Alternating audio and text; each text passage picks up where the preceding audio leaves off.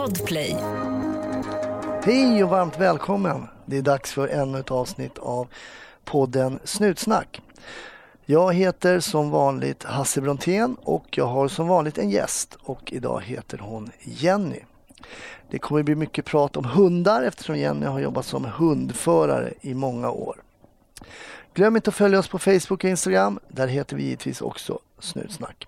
Vill du stötta podden, vilket är helt frivilligt, avsnitten kommer du kunna lyssna på om du inte har lust att stötta. Men vill du stötta, vilket uppskattas oerhört, så gör du det genom att bli, genom att bli Patreon. Och det gör du på patreon.com snutsnack. Ja, ta det försiktigt i pandemin och ha en trevlig lyssning. 1310 kom. 1310 Odengatan kom. Ja, det är uppfattat. Vi tar det. Slut. Bra. Klart slut. Varmt välkommen till Snutsnack Jenny. Men tack, vad kul!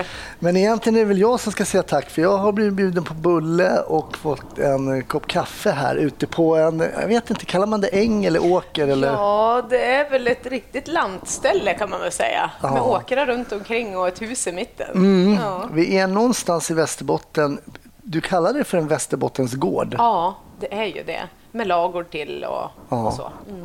Men inga djur och sådär. I, nej, bara hundar. Ja. Det kommer bli mycket prat om hundar såklart. För när jag kom in här på gården så var det liksom som en inhägnad och där såg jag ju två hundar. Då. De var lite arga på mig, eller var de glada? Eller? De var nog glada. Den ena han har ju lite mer vakt i sig, eh, chefen då, eh, som vi kommer att prata lite mer om kanske. Och den andra han var nog mest glad, tror jag. Det är min jakthund. Ja. Alltså jag kan ju väldigt lite om hundar, men jag kunde ju se att vilken som då eventuellt var polishund och vilken som var jakthund. Precis, men de, har väldigt, de trivs väldigt bra tillsammans där ute. De är ju i en hundbur på dagarna då, då jag jobbar och så där nu då.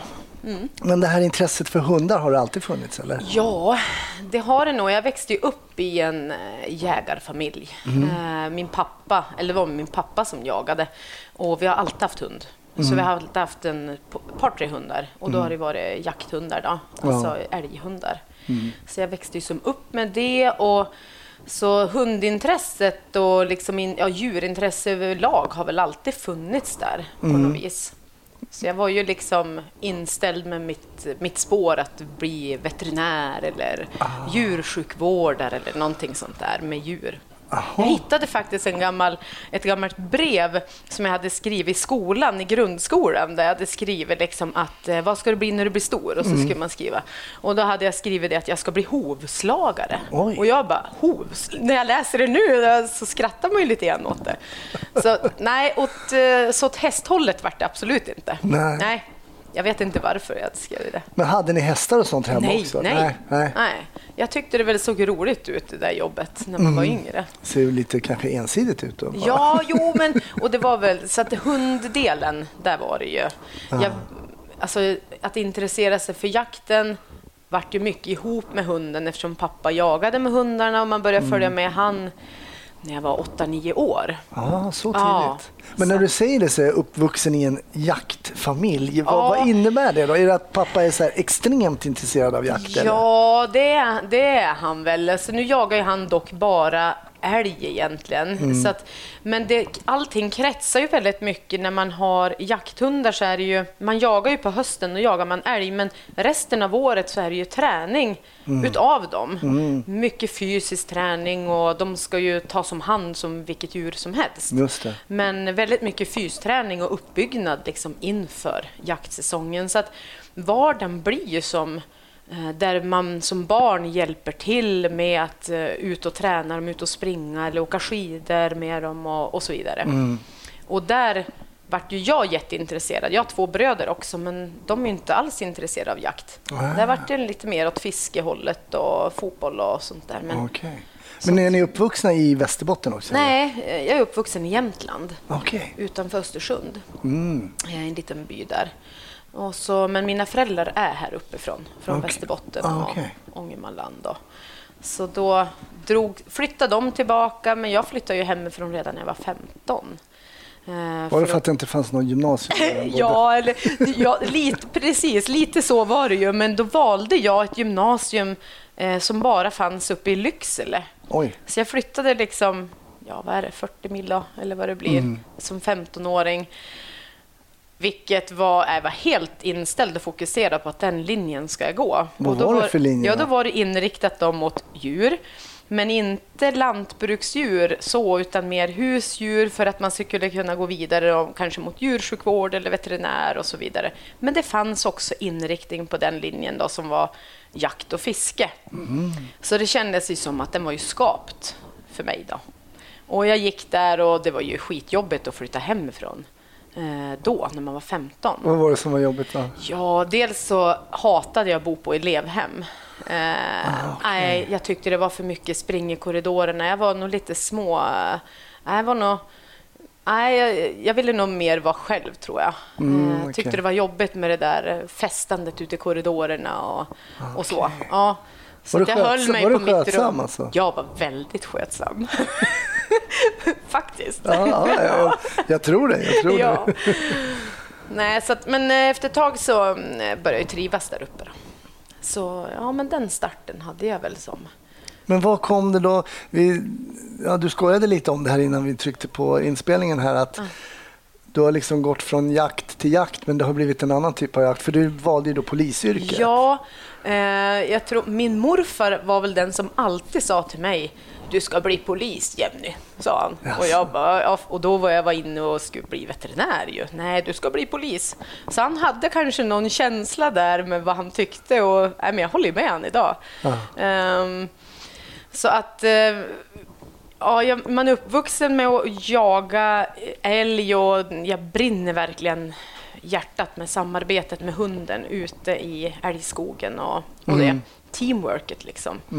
Ehm, så att det här, det är inte så stor skillnad egentligen. Sen när jag blev polis och gick utbildningen och så där och så kom jag in på att ja, men hundförare inom polisen, det vore ju också väldigt intressant. Eh, och det, jag känner väl att jag har väldigt mycket nytta utav den, den del som jag haft från min jakt med hund när man jagar älg eh, till samarbetet ute på fältet med en, med en polishund. Då. Eh, så att ja, jaga älg och jaga vad ska vi säga, bus eller jaga de som har gjort något fel. Men även jaga de som har försvunnit och tappat bort sig själva, alltså gått vilse. Och det är många delar när det gäller liksom som eh, har varit väldigt intressanta och känns viktiga. Framför allt att eh, kunna hjälpa folk som är i, i nöd. Just det. Eh, Så det blir som en, ja det blir mycket jakt. Jakt på fritid och på jobbet så jagar man både tjuvar och, och även försvunna, men även jakten på, som jag haft nu på slutet, av jakten efter att hitta spår med min hund. Alltså spår i form av kanske DNA och den här att lägga pusslet och lista ut hur saker och ting kan ha gått till och hitta de här bevisen som är så viktiga. Men om vi återgår, vi ska, jag tänker vi ska givetvis komma tillbaka till det, men jag tänker på de här två hundarna som jag mötte nu då, Ja. Kan man bara slänga in två hundar i en bur? Eh, Alltså, är det någon form av... Är det, alltså jag, du får inte skratta åt mina frågor med hund nu här. Nej, inte ni det gör jag heller. absolut inte. Nej. Nej men alltså, jag tänker om det är två, är det en kille och en tjej eller är det två killar? Det är två killar. Det är två killar, ja. Eh, grejen är att eh, min chefer då, som eh, tjänstehunden, han är ju över sju år. Och den andra jämthunden som jagar älg, han är ju ett och ett halvt år.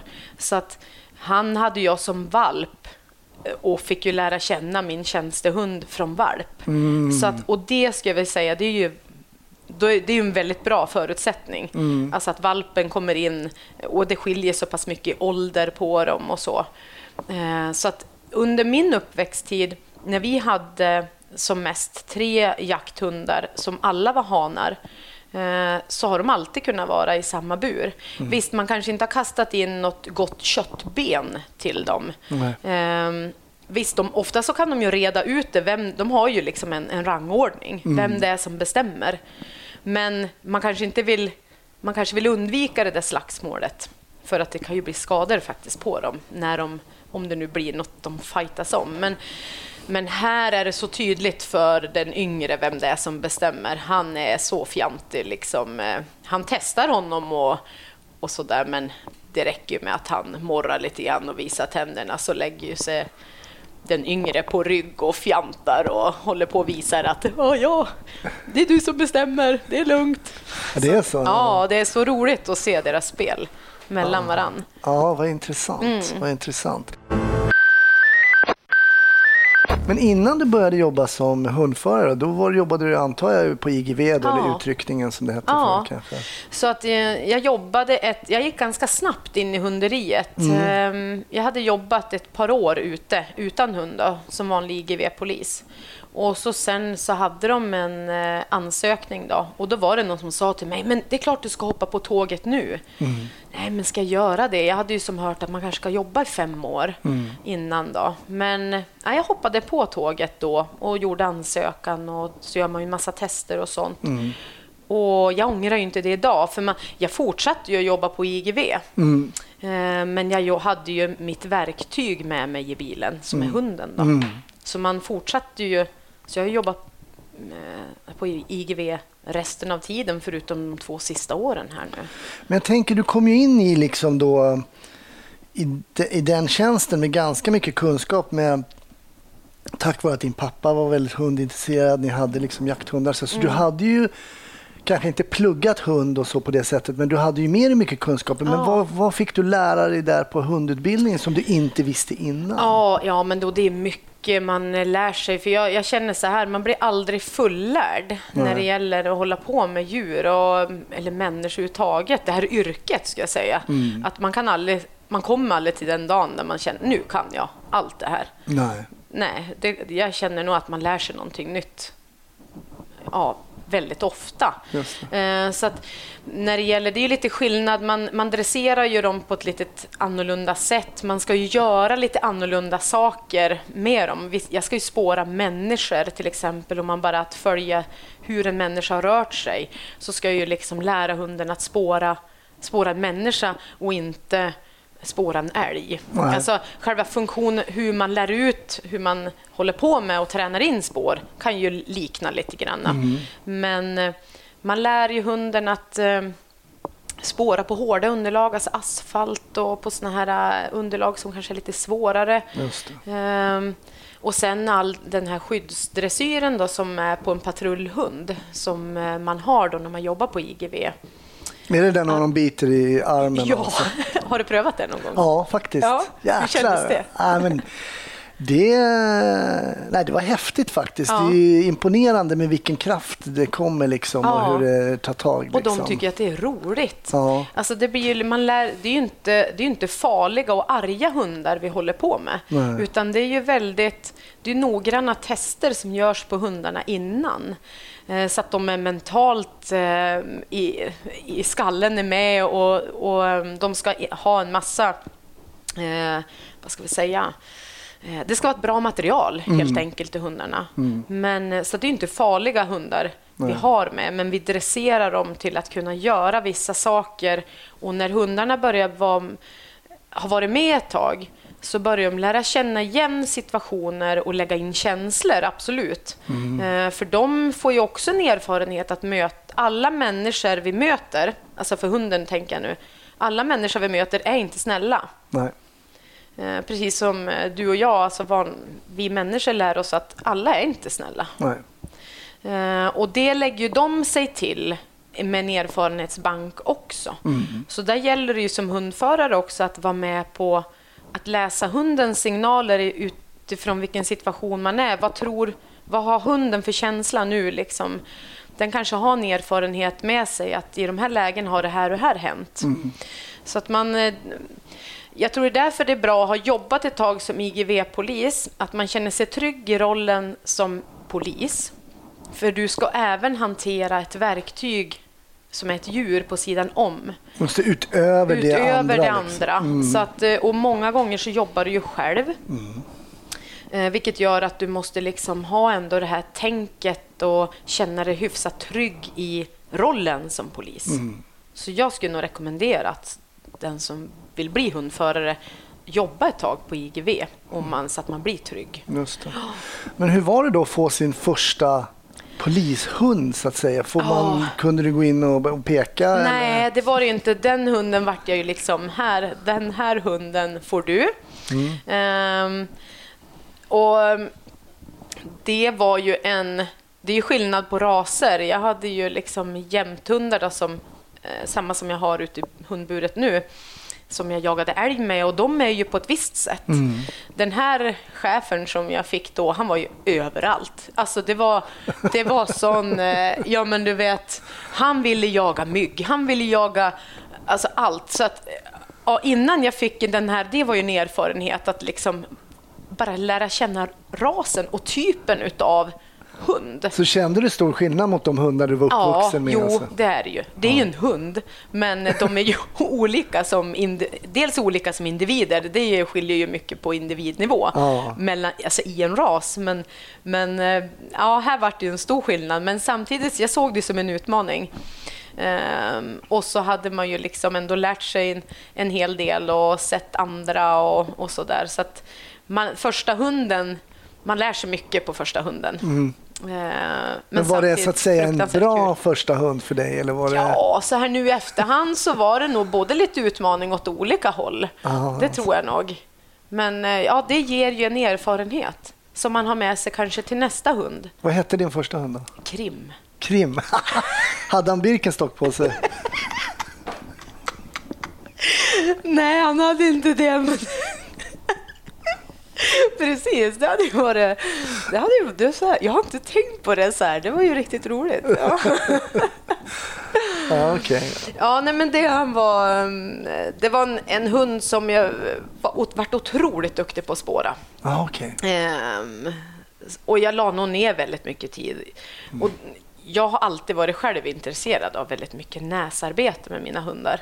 Så att, eh, och där tror jag det också kan... Man fastnar för olika saker eh, som man brinner lite extra för. Men var det för att du märkte också att Krim var intresserad av det eller var du själv det Svårt att säga. Om jag eh, jobbade på det sättet med han, att han vart så duktig eller om det var både och. Det var kanske både och. Att man eh, ja, höjde honom där och han hade bra förutsättningar. Hur länge orkar de jobba som polishundar ungefär? Då? Ja, eh, om allting går vägen, alltså att de håller rent fysiskt, för det är ganska påfrestande. Eh, men har man riktigt tur så kan de ju jobba tills de är uppåt en 10, men jag skulle säga kanske 8, 7, 8 år kanske en del börjar få lite olika problem och det är ju, då är det ju viktigt att man gör hälsoundersökningar på hundarna när de börjar bli lite äldre. För det är ju Dels är det mitt ansvar som hundförare att faktiskt ta hand om den här hunden. Han bor ju hemma med mig och han ska vaccineras och han ska skötas och må bra. Få rätt mat, få rätt mo- motion. Eh, och det är ju saker man sköter om hemma eh, på fritiden. Så det, och det får jag ju inte betalt för på Nej. det sättet. Så att man, man måste ju vara lite... Man måste vara intresserad av det här. Ja, man kan det. inte tycka att åh, vad coolt det skulle vara att få jaga en tjuv med en hund och så vill man bli hundförare och så sen allt det här på sidan om blir bara jobbigt tycker man. Nej, det går inte. Nej, så tror man måste leva det livet. Att Och man hämtar inte ut hunden som man hämtar ut sitt tjänstevapen. Liksom, Nej, utan- precis den frågan är ju faktiskt när man möter en del allmänhet när man har varit på vissa jobb så kan de ju som fråga Ja, hämtar ni ut de här hundarna liksom? Har du olika hundar varje gång? Bara, Nej, utan de bor hemma hos mig och jag har familj och oh, wow liksom. Eh, så att eh, Nej, man hämtar inte ut dem. Och för det är ju jätteviktigt att jag och hunden som jag träffar 24 timmar om dygnet, mer än min man. Faktiskt. Jag träffar ju han hela tiden. Att vi har ett teamwork, vi har ett samarbete med varann och vi känner varann och jag läser hans signaler, han förstår mina.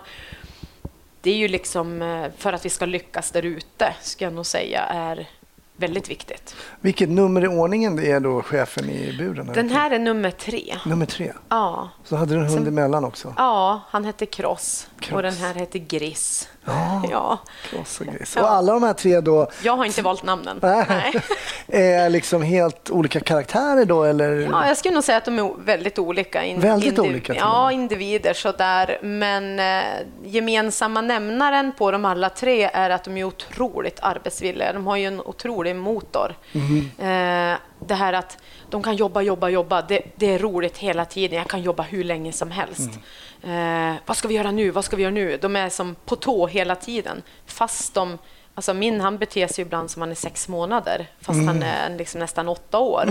Ja, han kan ju vara mer ung i sinnet än min eh, älghund som är ett och ett halvt. Ja, okej. Många gånger. Så att, Är det när han har något case på gång då? Eller nej, men det kan ju vara bara nu när han, han är förtidspensionär nu och han kan ju liksom vara så om jag reser mig ur soffan och är på väg mot dörren bara flyger upp. Jag är med! Jag är på! Vad ska vi göra? Och man, men gå och lägg dig nu. Jag, jag ska gå ut med soporna. Så Ja, han det är lite den. Sen kan han ta det lugnt Ja. och det är ju viktigt. Man får ju som säga till dem att nej men nu får du gå på din plats. Aha. Spännande. Men funkar det bra? Det är ju viktigt att det funkar bra med familjen också. Ja, ja men det är ju det. Ehm, och det funkar jättebra med barnen och med, med de andra, eller med, nu med den andra hunden och med min man. Och, och de är intresserade och de får ju lära sig hur man ska vara med hund. Så att det är bra uppväxt, ty- tycker jag. Mm. Att barn som får växa upp med djur, Ja, det tror jag också. tänka på andra liksom. Ja. Ingen som vill bli hundförare än av barnen? Nej, får vi se om de blir avskräckt eller om de blir motiverade. De är hundintresserade bägge två. Ja. Eh, Men sen vart de hamnar någonstans, det vet ju fåglarna. Men nu är jag ju lite intresserad av något case som du har haft Ja. med, med någon av de här hundarna. Ja. Du har säkert liksom olika Ja, det med de, finns de ju här massor tre. med olika jobb. Jag har ju, eh, jag har ju något jobb som jag hade med min första hund där vi där vi hade faktiskt, eh, det var två stycken som hade stulit en dumper. Mm. Eh, Och sen har jag ju några jobb, flera jobb där man har sökt försvunna personer. Mm. Eh, Där det både har gått bra, där man har räddat liv, men även hittat en människa som inte har klarat sig. Just det. Vilket är, ja, bland den, det är ju det viktigaste jobbet vi gör faktiskt. Det är att rädda liv Mm. eh, inom polisen faktiskt. Eh, och inte som hundförare. Och de jobben kan jag väl känna är ju väldigt känslomässiga hur det än går på slutet. Mm, jag förstår det. Så att jag vet inte riktigt vad jag ska ta för någon Men om eh, vi börjar typ med dumpen då, så börjar vi med det mindre känslomässiga. Ja, För det låter precis. som, Det är lite roligt. Men det låter som ett jobb ute på På landet! Ja. För det är någon typ av eh, lastbilsvariant. Ja, men en stor, dumper, alltså det var en, ett schabrak. Jag är inte så himla duktig på maskiner och sånt Nej. där, men eh, en väldigt stor. Eh, Men i alla fall, vi hade... Men hur tusan stjäl man ens en sån? Ja, det, jag vet inte om nycklarna hade varit i eller om de hade hittat nycklar. Jag kommer inte ihåg Nej, mm. Hur exakt det hade gått till. Men, hur fick du själva larmet då? Jobbet? Ja, vi, vi var... Jag tror vi satt inne på station och fick det här. Och det var ju några mil att köra utanför stan. Mm. Eh, och då var det pågående stöld. Så det var ju vittnen då som boende runt omkring som hade sett det här. Eh, och så när vi åker fram mot det här jobbet så får vi ju rapportering hela tiden att ja, de här vittnena, ja, en, ja nu har vi ställt oss ställt oss på den här bron med bilen så de kan inte ta sig härifrån eh, över den här bron. Alltså de hade ju som hjälpt till verkligen för det här var som Spärra av? Ja, de hade spärrat av vägar. Fantastiskt engagemang. liksom. Så de var ju liksom verkligen på tå. Mm. Ehm, och då blir det roligt också, för då känner man att chanserna ökar ju verkligen att få tag i de här. Mm. Det. För det, det man som hundförare är beredd på, det är någonstans, okej, sitter de i dumpen och kör, då kan vi nog komma ikapp dem om vi har vittnen som ser vart de kör. Men om de hoppar ur den här dumpern och drar iväg till fots. Det är ju någonstans där har vi ju tiden man vill jobba in som hundförare, att komma så snabbt på plats som möjligt. Ifall de nu lämnar den här dumpern och drar. Och vi var på väg fram mot det här och vi får ju rapportering hela tiden liksom att, eh, ja, att de var i den här dumpen och hade börjat köra den. Eh, men sen så fick vi då på slutet av alltså, eh, de här vittnena som sa att Nej, nu, nu står dumpen stilla. Och det här var ju kolsvart. En, jag tror det var i november, så det var blött och regnigt lite grann som vi har haft det nu.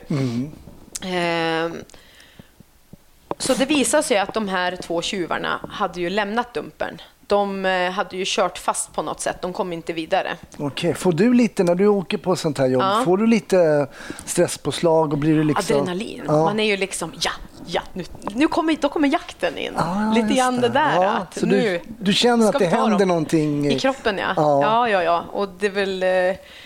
Det är ju jätteroligt. Det är ju de här jobben man, man bara liksom längtar till. Och det här var faktiskt min första hund och bland de första jobben. Så man kände ju den här jakten att tänk om jag skulle kunna få gripa med min hund. Tack Ah. vare hunden lösa ett case. Just det. Ja. Kan du beskriva känslan, liksom, eh, frågan kanske låter, men kan du beskriva känslan liksom älgjakten kontra alltså vara närheten av en älg och liksom ja, sådär är och komma närheten av... Mm. samma adrenalin när man hör, när man har släppt hunden och hunden söker och så hör man, för då ska ju hunden skälla när den har hittat en älg Mm. och liksom skälla på ett sånt sätt att behålla älgen kvar så att jag ska smyga mig fram och kunna få ett skottillfälle. Just det. Eh, Så att när hunden börjar skälla, skälla då är det samma adrenalin. Man känner yes, nu, nu är det upp till mig här. Nu hänger det på mig. Ja. Ehm, och att man ska ta sig fram och, och det blir en spänning hela tiden. Eh, så att ja, det finns likheter, absolut.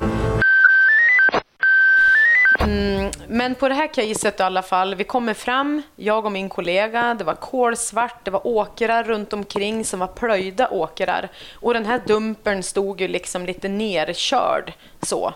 Och vi ser att det ligger eh, radioutrustning som har suttit i den här dumpen, utsliten ur den här dumpen. Då. Ah, Okej. Så de verkar ju liksom ha, man får känslan att de verkar ha stulit grejer ur den här eh, maskinen också. Då. Ehm, så jag tar ut hunden och eh, selar på, är på selen och så har man en lång spårlina. För här hänger det ju på hunden. För vi, jag ser ju inte vart de har tagit vägen, så nu är det ju tack vare hundens nos här nu. Nu är det lite, all den tid man har lagt ner på träning blir ju som att nu får vi se här om det funkar. Så det är därför det blir sån känsla när man lyckas. Eh, för då är det, ja, det blir verkligen en kick. Och det här var, du berättade att det här var en av de första gångerna du Ja. fick så... Precis, jag hade inte gripit någon, hund, mm, gripit någon, gripit någon person med min hund innan dess. Eh, men här då, så får ju hunden upp ett spår. Och det är kolsvart, vi har ju inga pannlampor för man vill ju liksom inte synas och göra...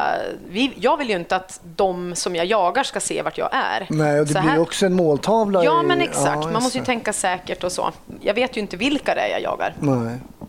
Så min kollega följer med efter och jag tycker nog mest synd om han faktiskt. Eh, jag håller ju en spårlina och ändå får någon slags känsla för det bär ju iväg över den här plöjda åkern som är lite halvfrusen, blött. Lite guppig Lite kan guppigt kan man säga. Och sjunker ner ibland och sådär. Och det drar iväg det här spåret och jag hör hur det låter så min kollega ramlar ju bakom men han tar sig upp i alla fall och hakar på igen. Och till slut så ser vi ju, så dyker min hund, det är som två kullar och några rishögar och gräskullar där. Far han upp bakom den där och så börjar han ju skälla. Jag känner ju att linan blir slack. Och det betyder att nu har, vi, nu har det hänt någonting här. Antingen att vi har hittat något eller någon. Och där ligger två stycken yngre killar i leran, kolsvarta och är livrädda. liksom. Men min hund skäller ju och jag bromsar ju upp så att inte han ska missförstå. För så länge jag inte blir bemött av något hot eller någonting. Så jag, jag beordrar mig här liksom att visa händerna så att jag tänker säkert. Och min hund skäller och det bara ekar genom skogen. Alltså det är som en film. Så kändes det. Alltså det var så roligt. Ehm, och så ligger det stöldgods där då, som de har runt omkring sig, där de ligger och gömmer sig. För de hade ju tänkt gömma sig. De hade nog ingen tanke på att en hund skulle komma och spåra upp dem. Precis. nej. Ehm, så att det var väldigt, ehm, ja, det var en adrenal- adrenalinkick sådär. Och då, när man då, liksom, de blir gripna in på polisstationen, så ska man ju alltid avrapportera sin händelse. Det vet du ju. Liksom, att Mm, absolut. har man varit på ett litet jobb så är det ändå väldigt mycket att skriva. Men här, när man har en sån där roligt lyckat jobb, Och att sätta sig och skriva då, inga problem. Nej. Och så minns jag faktiskt en grej som var riktigt rolig. Min chef då, alltså han som var chef för ordningsavdelningen, vi satt ungefär på samma plan på den tiden. Han kom på morgonen, för det här var ju liksom på sena ja, kväll, natten. Så jag satt ju och avrapporterade eh, på morgonen. Och han kommer in och liksom, jag hörde att det har gått bra. Och så gav man en klapp på axeln. Liksom. Eh, grymt bra jobbat så. Och det är en sån här mening man kommer ihåg. Det att eh, någon som ser. Mm. Men det var ändå bara, eller bara ska jag inte säga, men det är en, jag menar det är skillnad på ingen klapp på axeln och en klapp på axeln. Ja, det är det ju. Och faktiskt att man... Ja, men det, han var, var som lite, vart lite taggad själv. Jag minns att han, men bra jobbat sådär. Och, ja. Ja, men kul när jag Ja, ser kul. den här känslan. och Jag kan, det ser inte lyssnarna, men man kan nästan se att du är tillbaks liksom, Ja. i den här situationen. Ja. Och du hittar de här två som har stulit den här dumpen. ja. Det är ett Och- originellt jobb. Alltså, det, Ja. inte, ja, det har aldrig hänt efter det. Jag Nej. har aldrig åkt på någon stöld av någon dumper Nej. efter det. Nej, Och du fick aldrig någon utbildning på skolan, stöld av dumper Nej heller. precis. Nej. Nej. Nej. Ja, men det är ju någonting speciellt där när man eh, jagar så att säga och Ja. sen kommer fram och, det, och man får tillfälle att gripa några misstänkta. Liksom. Ja. Kommer du ihåg vad som hände med de här killarna? Blev det någon Nej, jag dom? kommer inte eller? ihåg. Jag kommer inte ihåg riktigt deras ålder heller. Eh, nej, det kommer jag inte Nej. ihåg. Det var ju så pass länge sedan. Mm. Mm. Men det var med krim då? Ja, det var med Krim. Ja, nej, och sen har man ju minnen med Kross och så även med Griss, han som jag har som senaste hunden. Då. Mm.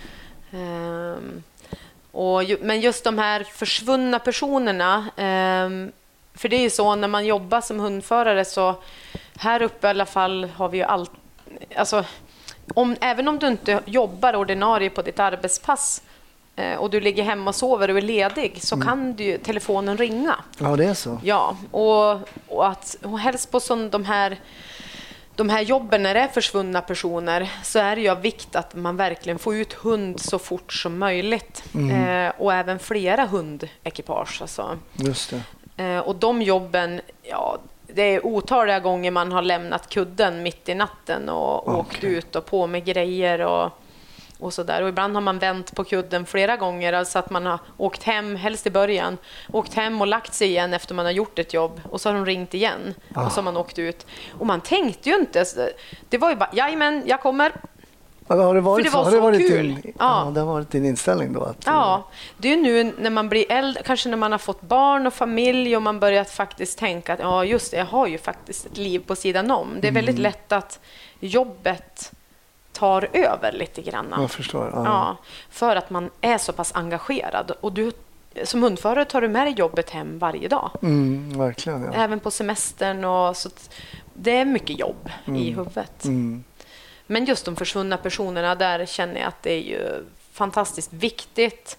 Och även eh, det känns eh, att man har gjort en insats eh, för den familjen nu som saknar den här personen. Som har försvunnit av olika anledningar. Det kan ju vara att någon som inte vill leva längre. Eh, men även någon som har gått vilse i svampskogen eller en jägare som har försvunnit och, och sådär. Så att, eh, att hjälpa eh, familjerna att få tillbaks sin anhörig, Mm. det är ju en... Ja, det, är också, det blir som också en kick på något vis, men man känner ett sånt där, åh vad viktigt jobb jag gör. Mm.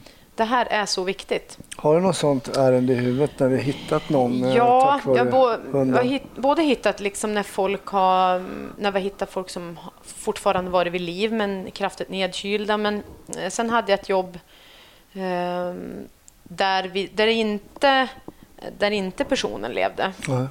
Och då var det en, en eh, äldre person som hade försvunnit från, sin, eh, från sitt hus och den nära anhörige eh, var kvar i huset och jag kände att han, nu har han inte kommit tillbaks.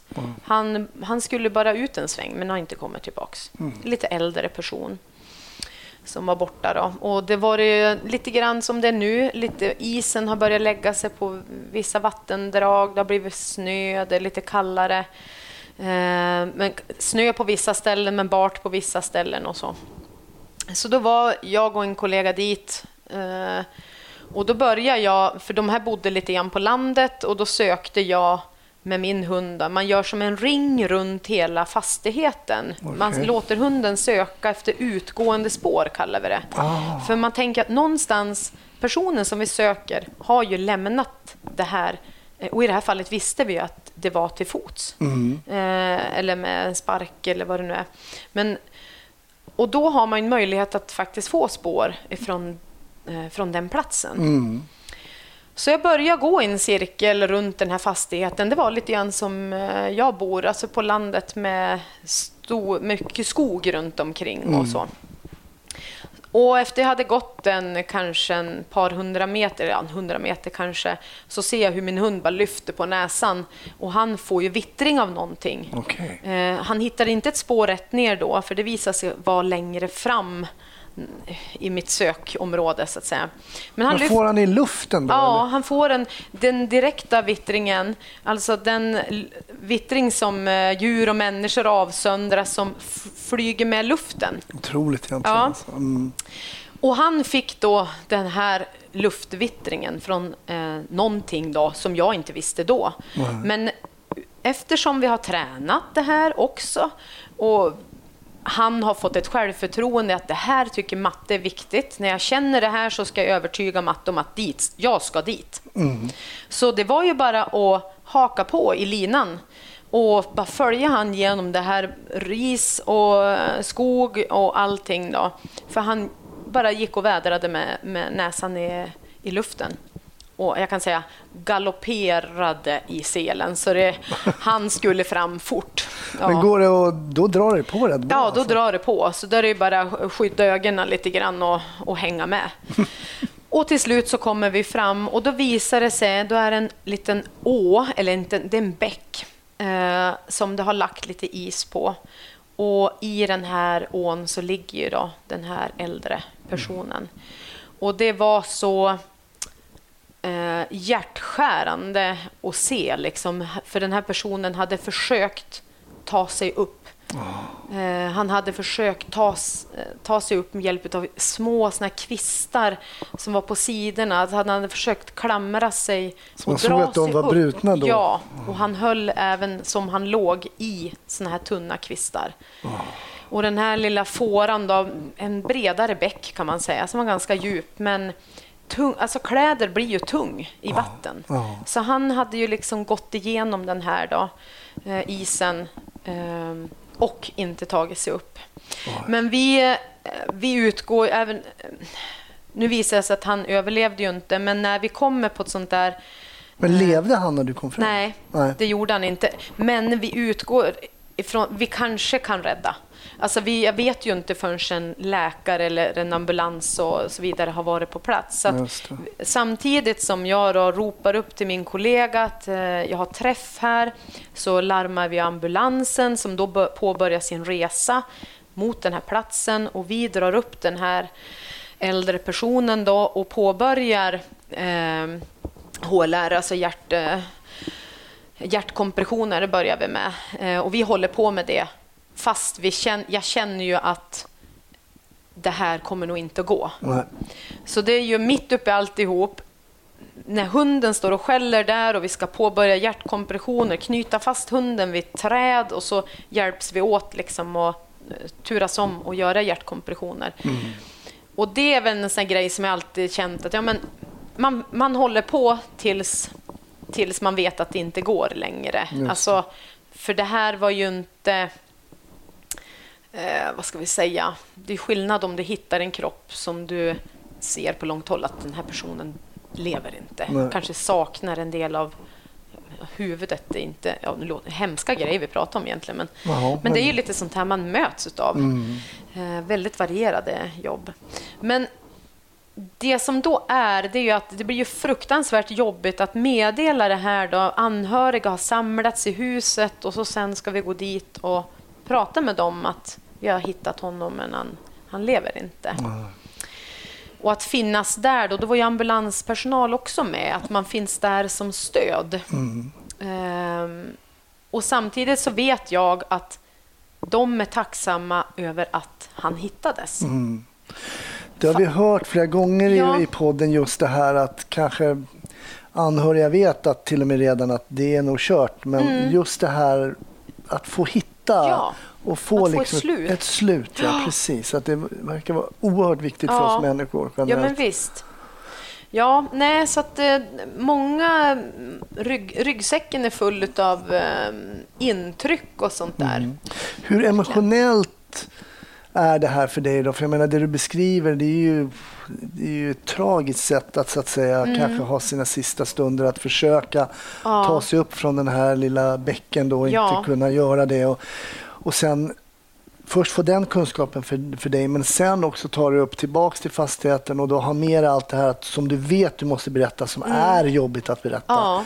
Hur pass emotionellt är det för dig? Liksom, kan du bara gå in i tjänsteläge eller kommer ditt privata och blir det Ja. någon blandning där? Ja, jag eller? tror att det blir en blandning. Eh, Jag, jag stå, inte så att jag liksom står och gråter och, och så, Nej. eh, utan det är mer att man visar på ett, ett allvar men en medkänsla. Mm. Eh, Och ibland kan det ju vara beroende på vilka det är man pratar med. Så vilka, vissa vill ju pra, fortsätta prata med en väldigt länge. Och jag har inga problem och ibland kan jag liksom nog känna att jag kan bjuda på, alltså bjuda på mig, av mig som person. Att visa att ja, men jag, är, jag är också människa och jag förstår hur det, hur det känns. Ehm, jag tror det är viktigt. Det är väl det man kan inte alltid låsa in sig i den här uniformen. Nej. Jag som person kommer att komma fram. Eh, ibland så är det teater man håller på med, men vissa att man lägger till lite känslor och liksom visar tydlighet i vissa scenarier och så. Men ibland så måste man också mm, våga ta fram sig själv Mm, som jag person. förstår. Ja. Har det hänt att du liksom har brustit igenom någon gång när du liksom inte Nej. har kunnat? Nej. Det har det inte gjort. Utan däremot så kan man nog ha... Eh, nu är jag gift med en polis också, så vi kan ju prata väldigt mycket jobb hemma. Det. Ehm, och det gör ju också till sin del att man kanske bearbetar vissa saker man har varit med om. Mm. Man berättar om roliga saker, man berättar om jobbiga saker och frustrerande saker som gör att man kanske kan gå vidare på ett annat sätt. Just det. Eh, Men sen finns det ju alltid, om man nu är på ett jobb där det har varit riktigt jobbigt, då får man ju debriefingsamtal. Om, då sätts det ju sådana saker in. Men inte på såna här, eh, den här typen av jobb, ska jag inte säga. Att, Nej. utan då är det nog mycket att man pratar med kollegan, den man har jobbat med och, och så. Det är så spännande med, med döden faktiskt. Det, det är ju någonting spännande eftersom vi inte vet riktigt vad som händer. Eller Nej, ingen vet ju vad som nej, händer efter vi dör. nej. Det kanske absolut inte händer någonting eh, eller så kanske det händer någonting. Det får, Precis. det får vi Det låter upptäcka. Eller inte upptäcka om det inte. Men det är ju den här rädslan för att möta döden kanske i sitt yrke. Har du haft den innan du mötte den? Nej, det hade jag nog inte på det sättet. Jag, man vet ju inte hur man ska reagera förrän första gången man kanske har bara sett en död människa. Nu, nu hade jag jobbat lite grann inom äldreomsorgen innan jag blev polis. Eh, Så beroende på vad man har gjort innan så kan man ju ha med sig en erfarenhet och, och, en, eh, och det tyckte jag var bra. Alltså att man har mött olika typer av människor. Där fick jag även möta alltså döden, alltså att sett en död människa. Men i yrket så kan ju en, det kan ju se så olika ut. Eh, hur, man, hur de ser ut. Mm, eh, beroende på vad, vilket brott som har skett eller vad som har hänt den här personen. Hur Och lång det tid jag- sedan det var det hände också? Ja, precis. Och det tror jag man aldrig kan riktigt... Man vet inte förrän man är där, men man ska nog tänka på att ja, men jag vet inte riktigt hur jag kommer att reagera och, och sådär. Ja, det är intressant. Vi, Ja, vi, jag tänkte vi, för mina patreons, jag, tack än en gång till mina Ja. patreons för att ni stöttar eh, podden. Jag tänkte att vi ska prata lite vidare med för eh, mina patreons lite om eh, hundföraryrket, lite Mm. kanske för och nackdelar och lite, kanske något litet case till och sådär. Mm.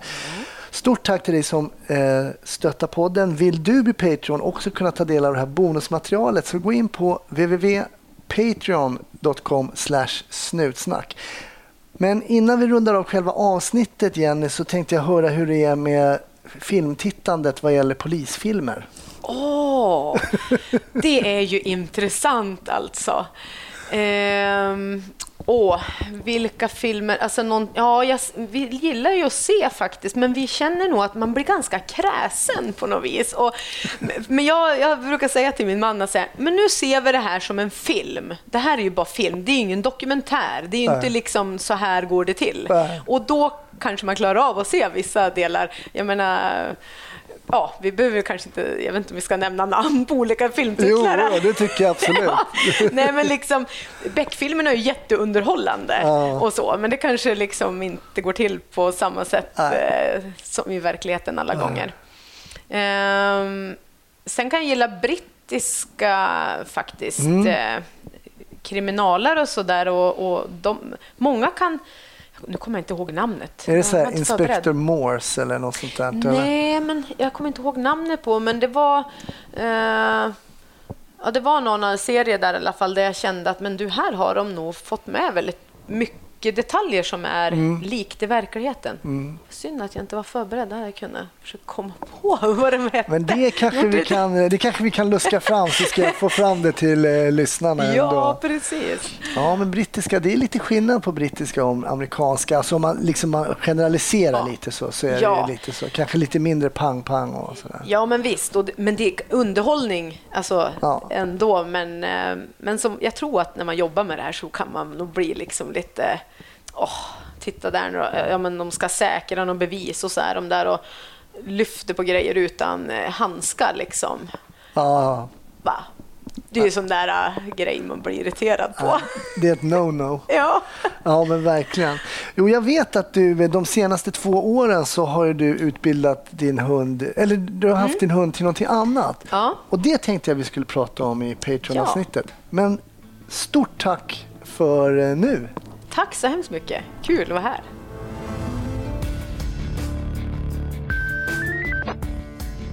Tack för att du har lyssnat på Snutsnack och det här avsnittet med Jenny.